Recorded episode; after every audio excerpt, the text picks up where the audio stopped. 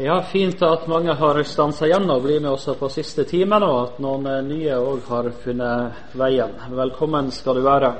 Vi skal ha den siste bibeltimen nå i denne serien. Emnet for helga har vært i møte med Gud. Et av de sterkeste vitnesbyrdene i vår bibel eh, finner vi i Jesaja kapittel 6 der det er en som skildrer sitt møte med Gud.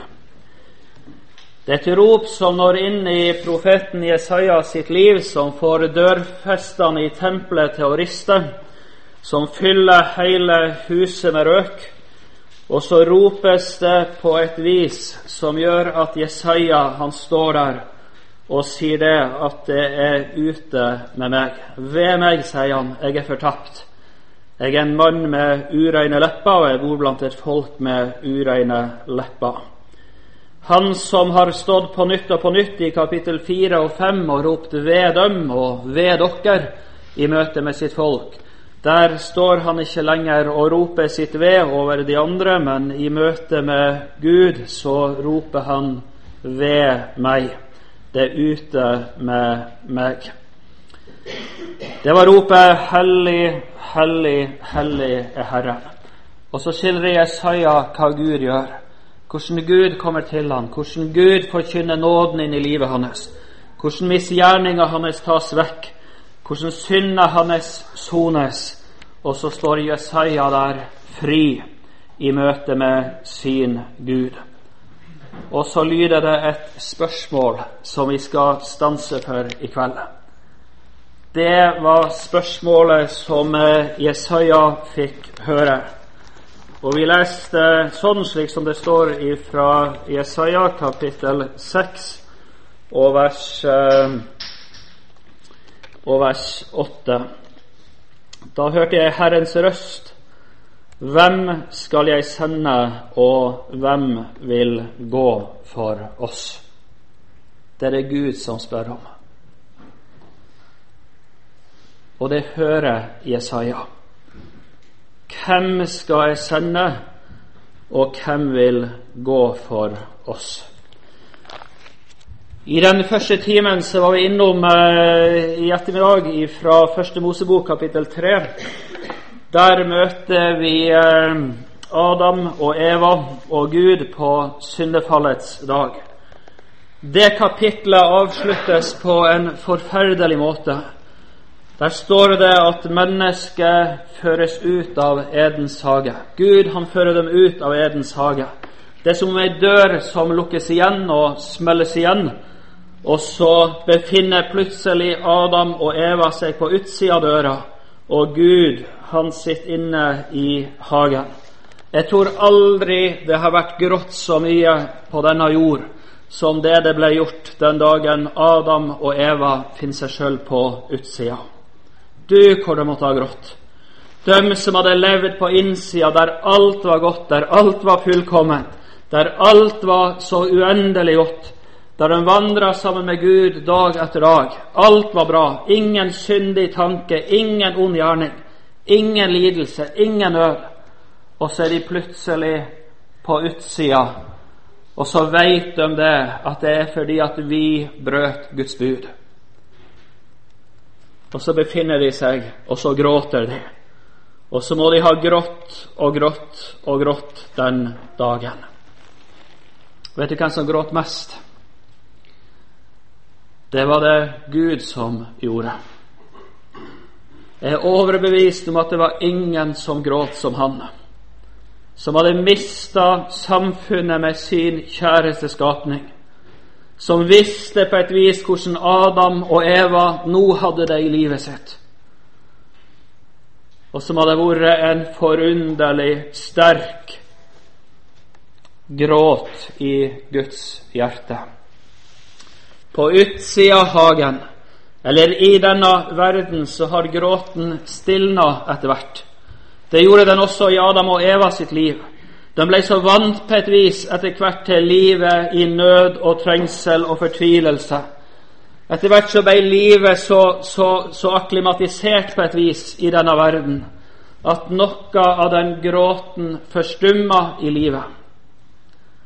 Men den gråten forstumma aldri i Guds hjerte. Han gråter over den som lever borte fra han. Og så er det noe av den nøden og den gråten sitt ekko som du møter i spørsmålet som Jesaja får høre.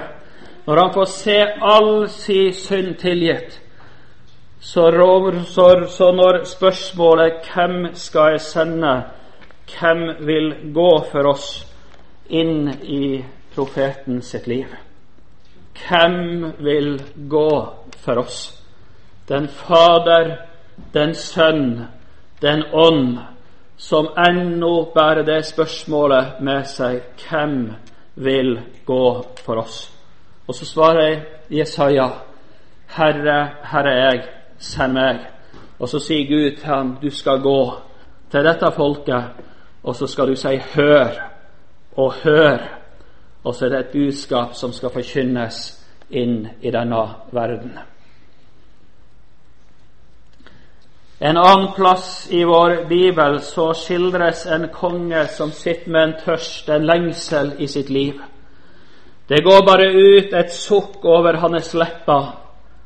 Men så er det tre mann som lever så nær sin konge at de får tak i noe av den lengselen, den tørsten som lever i hans hjerte. Og så bryter de opp umiddelbart. Og så setter de sine liv på spill når de begir seg inn bak fiendens leir, inn iblant filistrene sine leir, på baksida der. Og så må de hente noe som de bærer med seg tilbake til sin konge. Det var tre stykker som brøt opp. Det var tre som levde så nær sin konge at de ble var på et vis den lengselen og den tørsten som fantes i hans liv. Det var Davids tre helter. Det kan du lese om i første krønikerbok, kapittel tre, om du vil.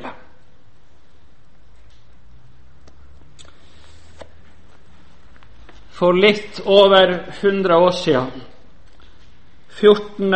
april i 1912. Da utspenner det seg en forferdelig dramatikk langt ifra landet. Da er Titanic, eller Titanic, på vei til USA har reist ut fra Southampton på sin første store seilas. Dette vidunderskipet som aldri kunne synke, det som aldri, aldri kunne gå ned. Litt før klokka tolv om natta, da treffer Titanic et isberg. Og så rives det opp ei flenge i skroget på en sånn måte at det tas opp vann som gjør at båten fylles mer og mer. Historieskriverne sier at det skjer ca. kvart på tolv på, på natta, natt til den 14. april. De som eh, er om bord i båten, de som er oppe i hvert fall i salongene, som sitter rundt uh, de lystige bord, der musikken spilles, der det spilles kort, der hvor det skjenkes i glass, der de har det så utrolig godt, de merker knapt når Titanic eh, dreies mot styrbord av all kraft.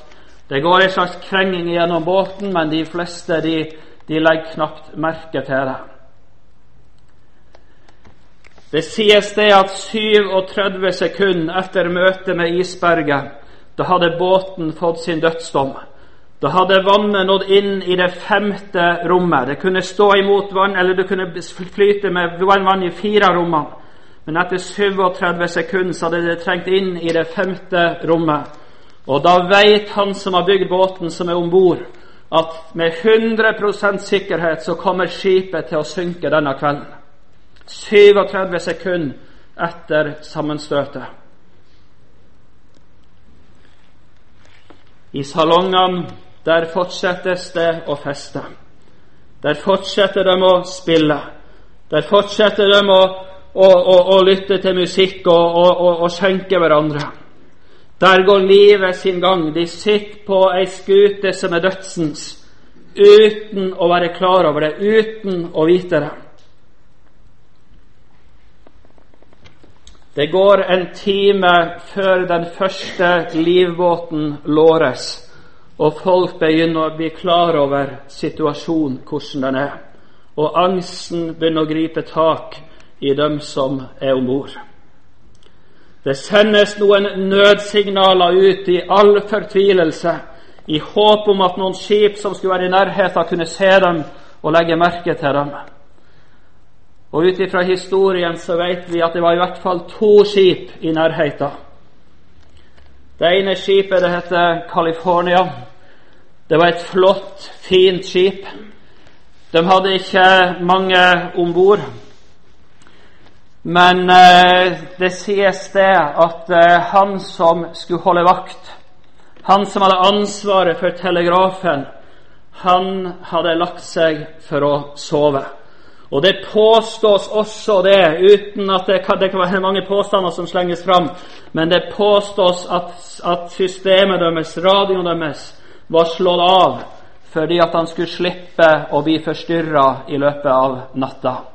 Han ville sove i fred.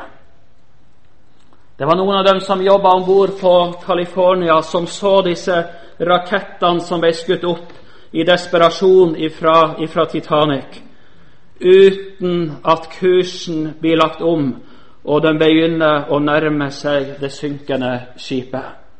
På California, der ligger de i ro. Der nyter de stillheten. De hadde tatt pause, de visste at det var isberg også de og de ville ligge i ro for å berge seg sjøl. Og så utspinner det seg en forferdelig dramatikk bare noen sjømil unna, mens det store, flotte California det ligger i ro. Telegrafisten han sover, kapteinen han vil ikke gå. Og så ligger de på et vis i sin egen komfort. Det andre skipet man med sikkerhet vet var i nærheten, dette Karpatia, eller Carpatia.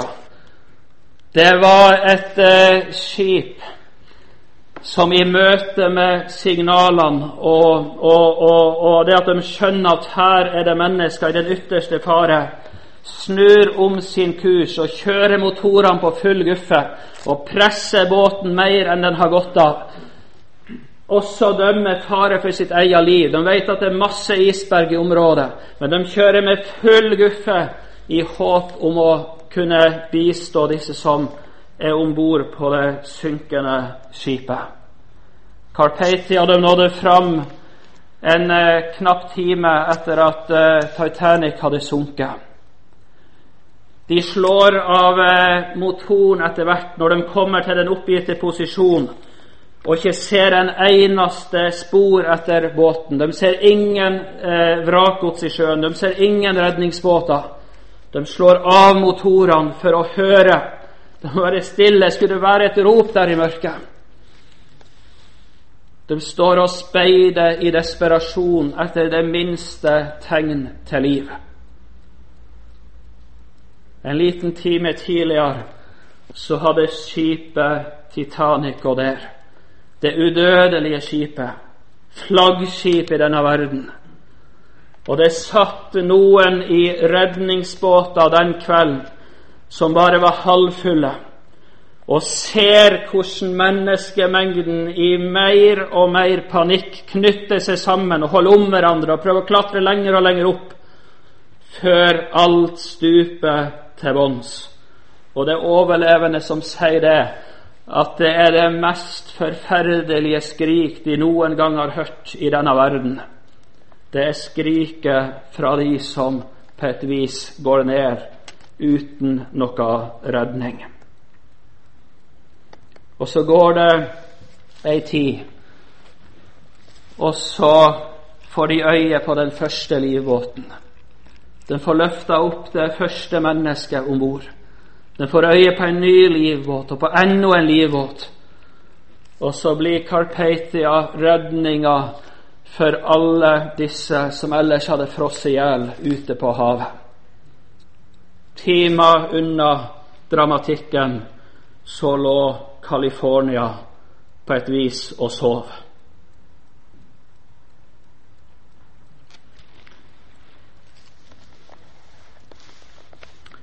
Bli med inn i første kongebok.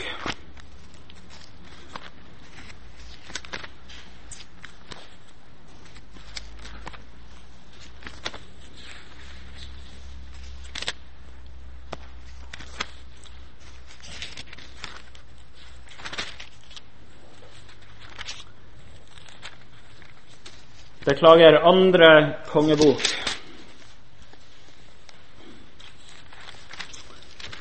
Der skildres en forferdelig nød. Der skildres en hunger, en hungersnød. Det står i kapittel 6 at da Israels konge en dag gikk fram og tilbake på muren, ropte en kvinne til ham, 'Hjelp, Herre konge'. Og så svarer kongen, 'Hvis ikke Herren vil hjelpe deg, hvor skulle jeg da hente hjelp til deg?' Fra treskeplassen eller fra vinpressa? Nøden var så stor at det ikke fantes mat i landet. Og så spør kongen videre til denne kvinnen hva står på. Og så svarer hun når hun peker på ei annen som hun står i lammet, så sier hun denne kvinna sa til meg, kom hit med sønnen din, så eter vi ham i dag, og i morgen kan vi ete min sønn. Så kokte vi sønnen min og åt ham. Dagen etter sa jeg til henne, kom nå hit med sønnen din, så vi kan ete ham men hun gjemte bort sin sønn. Det er en forferdelig nød som skildres. En nød på en sånn måte at det er to som blir enige om det at i, i dag så spiser vi sønnen din, og i morgen så spiser vi sønnen min. Og så kan en rystes i møte med en sånn nød. Og så kan vi være glad og se på hverandre og si det at sannelig så godt at vi lever langt fra sånne tilstander. Nå hadde jeg lyst til å si deg det. Du lever midt i en nød som er utrolig mye mørkere enn det som skjer her i andre krønikerbok, kapittel 6. Den verste fattigdom, det dypeste mørket og den tyngste byrden det er et liv uten kjennskap til Jesus Kristus. Det største svik det er å la mennesker leve og dø uten å få bli kjent med Han.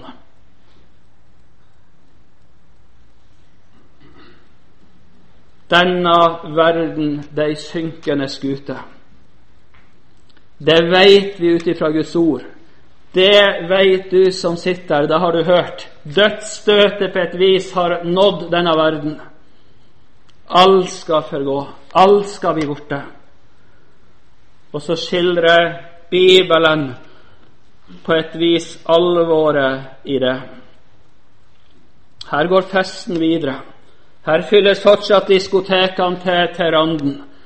Her er det få eller ingen barer som går konkurs. Her hores det, her lyges det, her stjeles det. Her i denne verden så går festen videre, og man har det så bra. Og så er det en Gud som sitter og gråter over mennesket på vei imot en fortapelse. Over mennesket som er kommet bort ifra samfunnet med Han. Det er en Gud som gråter. I hans hjerte er gråten like sår som den første dag i første Mosebok kapittel 3. Den gråten har ikke stilna i hans hjerte. Han gråter. Han fortviles. Hans hjerte rives og smertes i møte med alle dem som er borte ifra han. Og så er det en lengsel og en tørst i hans hjerte. Lever du så langt borte ifra Han at den nøden er du sjelden eller aldri var? Er du bare opptatt av hva du skal få nyte og få med deg i denne verden? Er du den som vil leve i fred og leve i ro og Nesten som denne telegrafisten på California som, som skulle sove, og, og, og det påstås han slo av hele radiosambandet. bare for å få fred. I møte med Gud, der har du blitt klar over alvoret. Og det kan ikke du leve som om du ikke var, var klar over at, at, du ikke, at du ikke visste.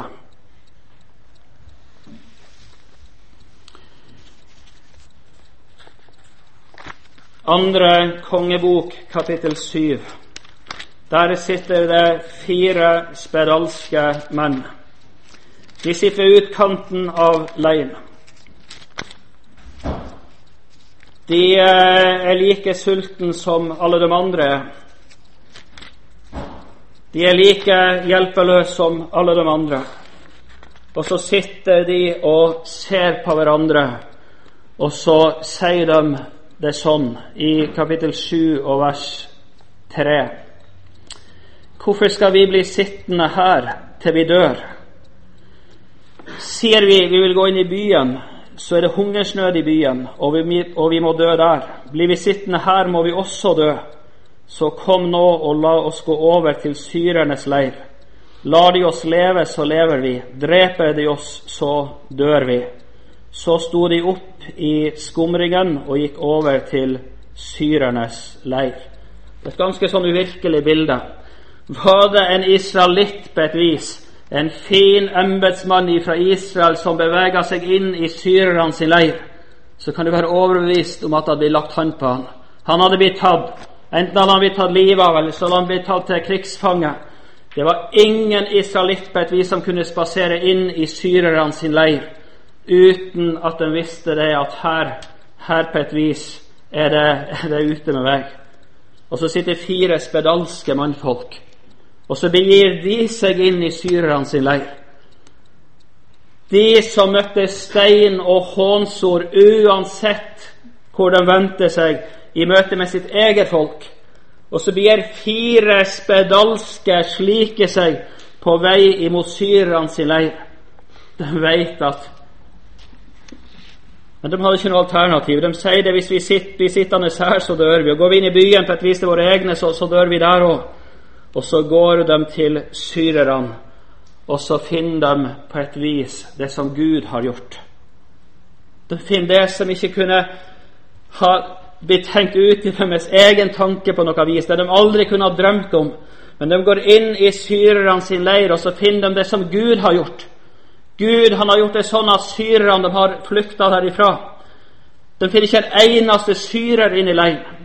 Og så kommer de inn i en leir som bugner over av alle gode ting. De som ikke hadde noe rett på et vis til det, de sitter plutselig inne i syrerne sin leir med overflod av alt mulig, av alt godt. Og så spiser de, og så spiser de, og så spiser de de som hadde levd med hunger så lenge. Og så oppdager de det, at uansett hvor mye de spiser, så blir det ikke tomt. Og så begynner de å se på hverandre igjen. Og så begynner tanken å gå til dem som ingenting har å mette seg med. Om dem som sitter i, blant Israels leir og, og sulter til dødes. Og så sitter de der, og så sier de til hverandre det er ikke rett, det som vi gjør. Det er ikke rett, det som vi gjør. Det er sannsynligvis seint på kvelden, det er mørkt og sånn. De sier i hvert fall det om vi venter til morgenen gryr. Altså om de bare legger seg i natt for å sove ut og venter til det blir lyst og at det blir oppklart og sånn. Om vi venter til morgenen gryr, så faller det skyld på oss, sier de.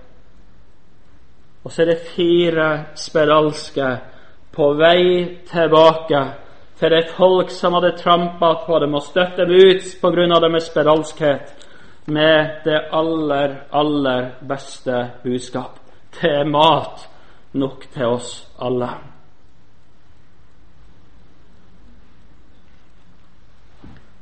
Det er ikke rett, det vi gjør.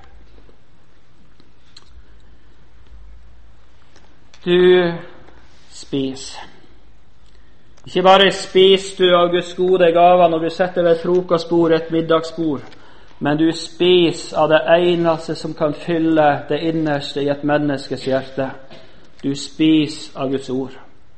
Du spiser og spiser og spiser. Og lykkelig er vi som får lov å leve med en åpen bibel, og som får lov å leve på et vis i en sammenheng der vi får høre Guds ord.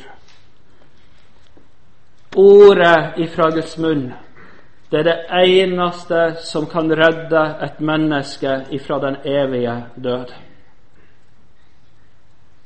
Og så lever det så mange uten tilgang på det ordet. Og så gjør du ingenting, kanskje. Du nyter, og du på et vis forfyller deg. Men så er det en Gud som gråter og smertes i møte med at det er så mange, mange som han døde for, som han ordna opp for, som han betalte for, som ennå ikke har fått høre det budskap som kan sette fri og frelse. Kanskje må vi se litt på hverandre. Kanskje må vi begynne å snakke sammen. Er det rett, det som vi gjør? Er det rett slik som vi lever livene våre? Hvor lenge kan vi vente før vi går ut?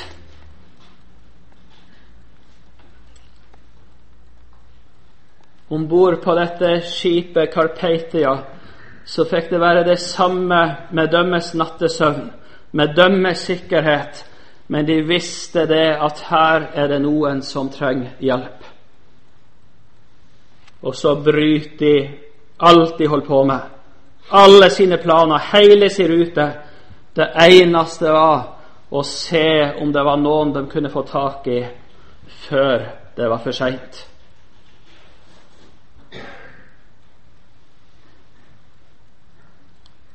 Er det rett, det som vi gjør, om vi samles og samles og samles, samtidig som det er noen som aldri, aldri får høre?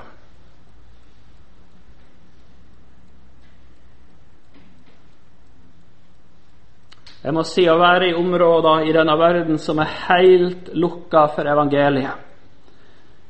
Sitte og se mennesker inn i øynene og vite det at her lyder det aldri et Guds ord.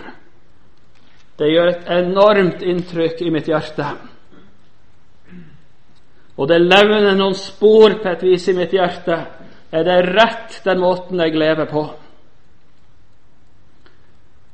På slutten av 50-tallet eh, så, eh, så sendte Norea Radio sine første program eh, inn på det, slik at en fikk det inn i, i, Norge.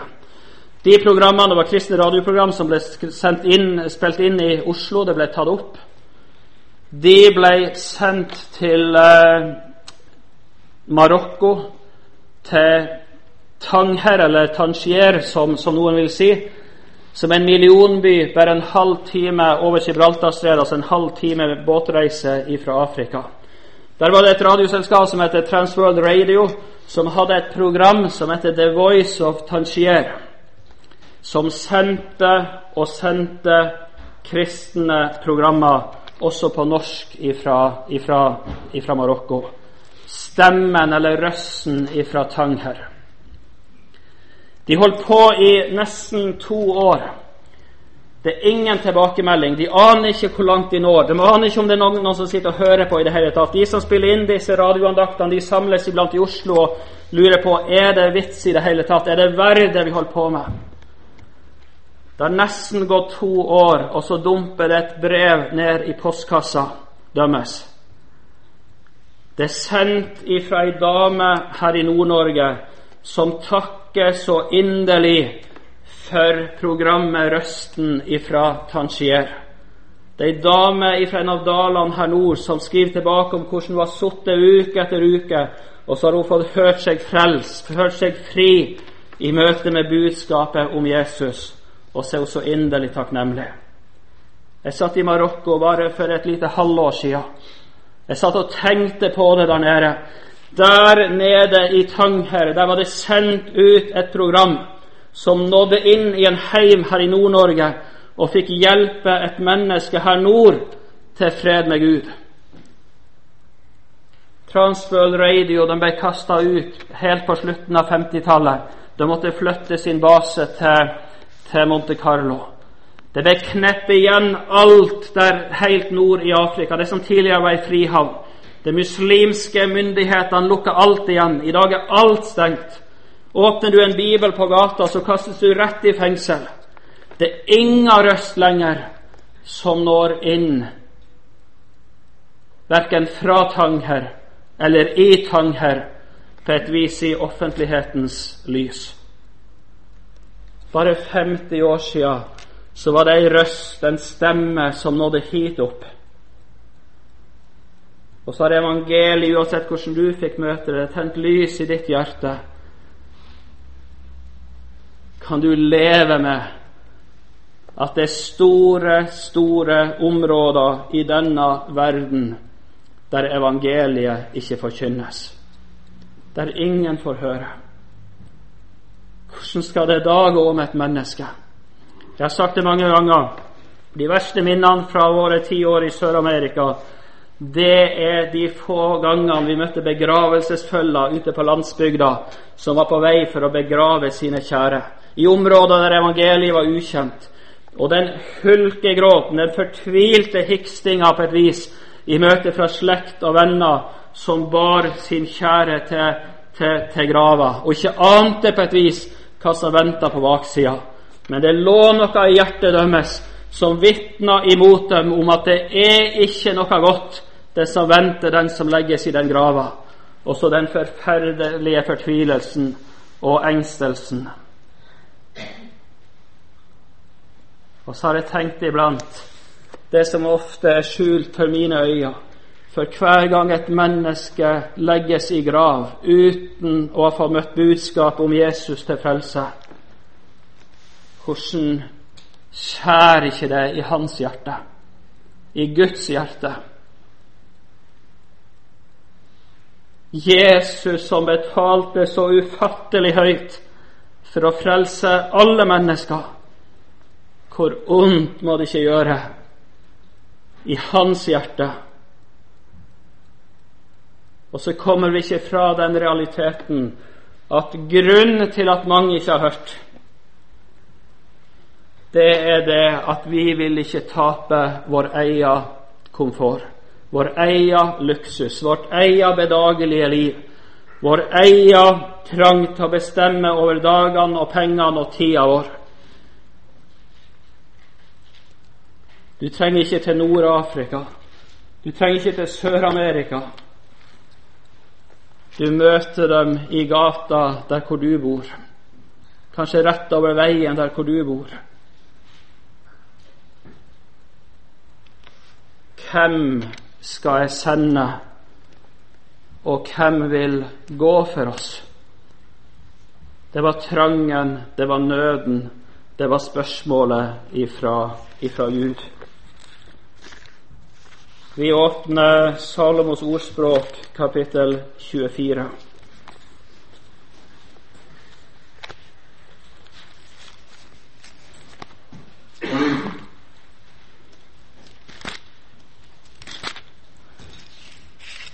Bare i ettermiddag mens vi har vært samla her i disse lokalene, så er det tusener av mennesker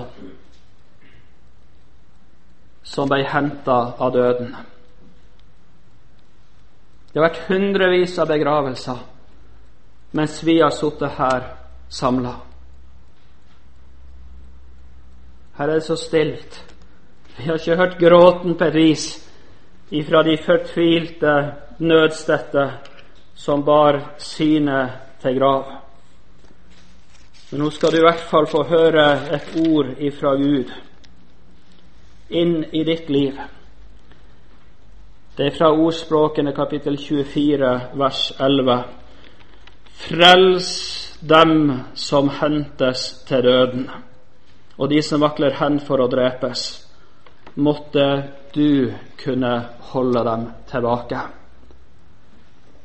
frels dem som hentes til døden. Vel er det ingen av oss som har makt på et vis til å hindre døden på det viset. Ikke det at alderdom og alt sånt kan stoppe sin gang og sin utvikling. Alle skal legges i grav. Men allikevel så taler Bibelen at hos Herren, Herren, der er det utganger fra døden. Der er ikke døden det siste. Der er døden bare en fergemann som tar oss inn til det evige liv for den som har fått møtt Jesus og levd i troa på Han. Og så ropes det ifra himmelen Frels dem som hentes til døden. Måtte du kunne holde dem tilbake. Og hør, om du sier 'Se, vi visste det ikke', vi visste ikke noe om det, skulle ikke han skjønne det, han som prøver hjertene? Mulig at noen har levd så på avstand ifra Gud at det som har med misjon å gjøre, og Jesu nød for at mennesker må få høre om Han, at det på et vis er noe som sjelden eller aldri preger sinn eller tankeliv. Men jeg hadde lyst til å si det til deg så sterkt. Det er som en båt som er på vei ned med mennesker etter mennesker, millioner på millioner, som er på vei ned i det evige, evige mørket. Noen vet ikke om det. Noen lever sitt liv i glede og fest, sånn som de gjorde de første kvarterene der på Titanic. Andre de lever med en forferdelig angst og uro. Men de lever der, og du har mulighet til å nå dem. Du har mulighet til å nå dem. Marokko er stengt. Men hver eneste uke så er det noen som setter sine føtter på spansk jord for første gang i sitt liv. Kanskje tatt seg over illegalt i en gummibåt med fare for liv og helse, men så har de fått sett sine føtter på, på jorda i Europa.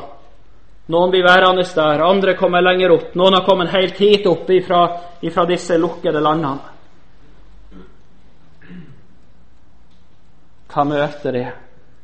Et folk som er opptatt av egen trygghet, egen sikkerhet, egen komfort. Familier som lever bak sine koselige vinduer i sine heimer og nyter ro og familieliv, og kveld etter kveld etter kveld går med framfor TV og Facebook og andre slike ting. Det bor noen sånne i Tromsø òg, som kommer fra en sammenheng der de aldri har hørt Jesu navn nevnt. Det bor millioner av de lenger sør i Europa. De er på vei mot fortapelsen. På samme vis som din gode, snille norske nabo som ikke lever i samfunn med Jesus.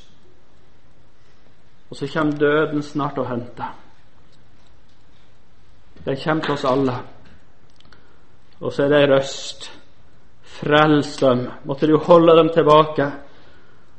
Om du sier 'se, vi visste ikke noe om det', skulle ikke han skjønne det, han som prøver hjertene. Hvem skal jeg sende, sier han. Og hvem vil gå for oss? For Jesaja så ble det sånn at han måtte i hvert fall gå. Hva de andre sa det fikk så være, men han måtte i hvert fall engasjere seg. Han måtte få leve sitt liv på et vis i en tjeneste for Gud. Og så blir det et liv i forakt det blir et liv i spott, det blir et liv i motstand. Det blir et liv i møte med de harde hjertene. Men Gud sa det igjen og igjen til Jesaja, til Jeremia, til, til, til så mange, mange, mange. Du skal forkynne det enten de vil høre det eller ikke. Hvem skal jeg sende? Og hvem vil gå for oss? Er det rett det vi gjør? De fire spedalske som hadde fått tilgang på det som ikke egentlig hørte dem til, men de hadde fått det så ubegripelig stort. De sa det at vi kan ikke vente til morgenen gryr. Da kommer det til å falle skyld på oss. Hvorfor sier de det? Fordi at om ikke de hadde gått med det samme, så hadde folk mista livet der i leir. Det er ikke alle som hadde klart en natt til. Det er ikke alle som hadde makta å komme seg gjennom natta. Det er noen unger som hadde mista livet i mange av disse heimene rundt om i byene. Voksne om så òg. Hvor lenge skal vi vente? Eller hvor likegyldig skal vi leve i møte med den befaling? Ikke det fine spørsmål, men den befaling som gikk ut ifra Jesus rett før han for opp til himmelen igjen, når han sier 'gå ut og gjør alle folkeslag til mine disipler'.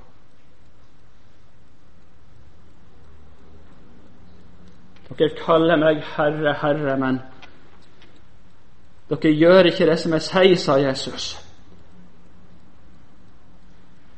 Gå ut, sier han, og gjør alle folkeslag til disipler. Og så er jeg overbevist om at Gud legger noen på ditt hjerte, og så legger han noen på mitt hjerte, og så legger han noen forskjellige kanskje på våre forskjelliges hjerter men det var en som ville så inderlig gjerne at hans navn skulle få lyse midt i mørket. Og jeg gjentar til slutt det dypeste svik, det aller verste, simpleste svik, det er å ha fått møtt Jesus til frelse og la mennesker leve og dø uten å bli kjent med Han.